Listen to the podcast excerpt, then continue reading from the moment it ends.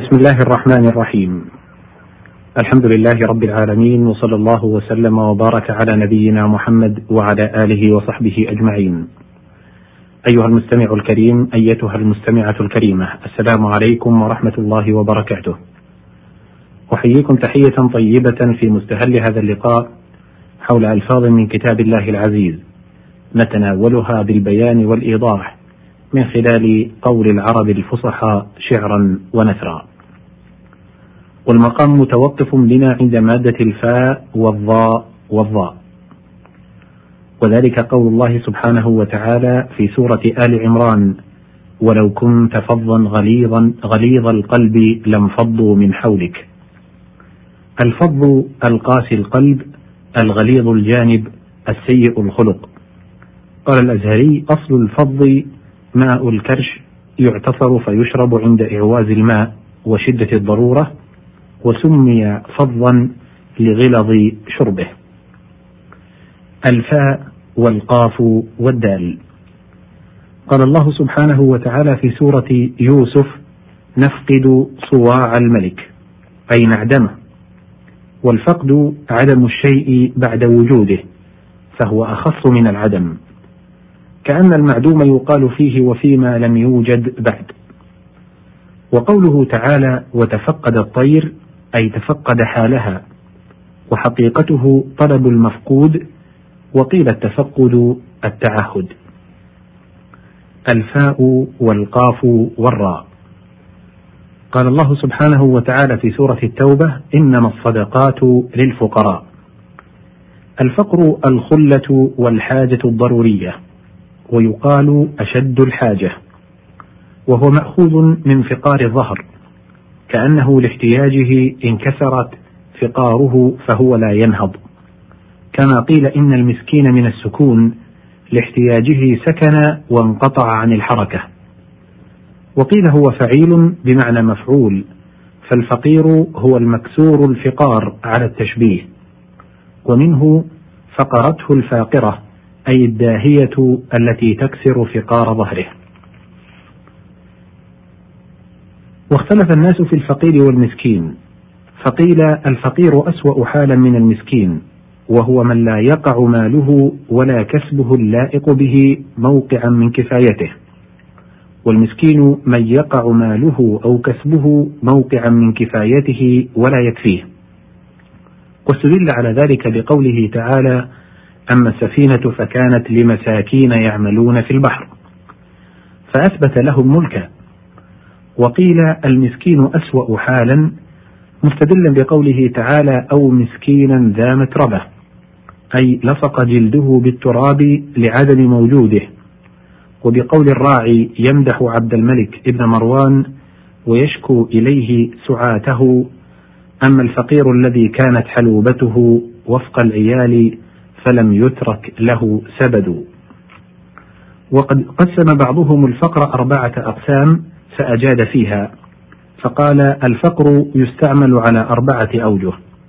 الأول عدم وجود الحاجة الضرورية والثاني عدم المقتنيات وهو المذكور في قوله للفقراء الذين أحصروا في سبيل الله لا يستطيعون ضربا في الأرض يحسبهم الجاهل أغنياء من التعفف والثالث فقر النفس وهو الشره وهو المقابل بقوله إنما الغنى غنى النفس وهو المعني بقولهم من عدم القناعة لم يفده المال غنى.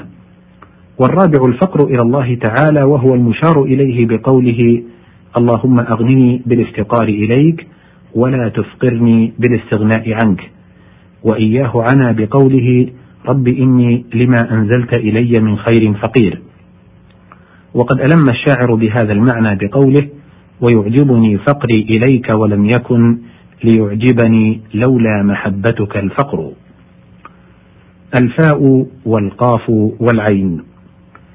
قال تعالى في سورة البقرة إنها بقرة صفراء فاقع لونها أي خالص. يقال أصفر فاقع أي صادق الصفرة. وأسود حالك وحانك من قولهم أسود من حلك الغراب ومن حنك الغراب باللام والنون.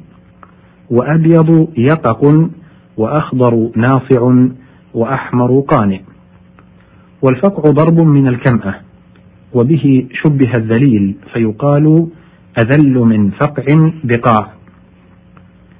الفاء والقاف والهاء. قال تعالى في سورة التوبة ليتفقهوا في الدين أي يطلبون أن يفقهوا دين الله. وأصل الفقه الفهم.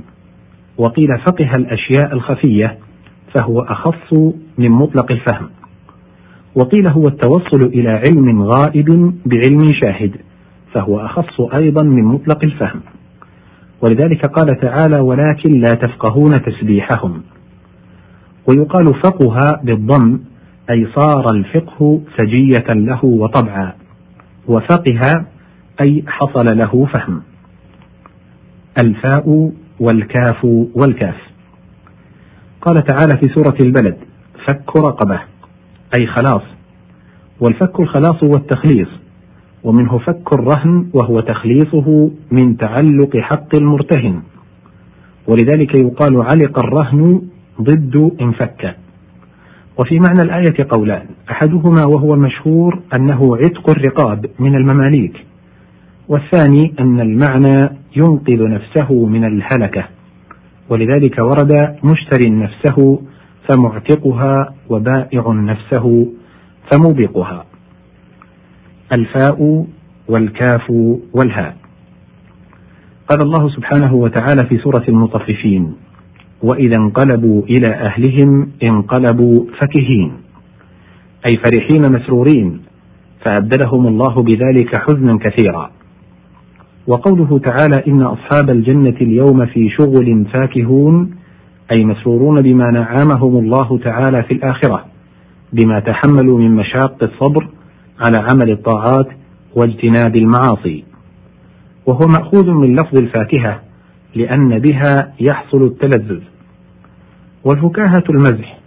قال أبو عبيد الفاكه المازح والاسم الفكاهة والفكاه وقوله ونعمة كانوا فيها فاكهين أي ناعمين أشرين بطرين. الفاء واللام والحاء. قال الله سبحانه وتعالى في سورة البقرة وأولئك هم المفلحون. الفلاح الفوز والظفر بالبغية. وأصله من فلحت الحديد أي شققته. قال الشاعر إن الحديد بالحديد يفلح. ومنه الفلاح لأنه يشق الأرض. ورجل أفلح أي مشقوق الشفة.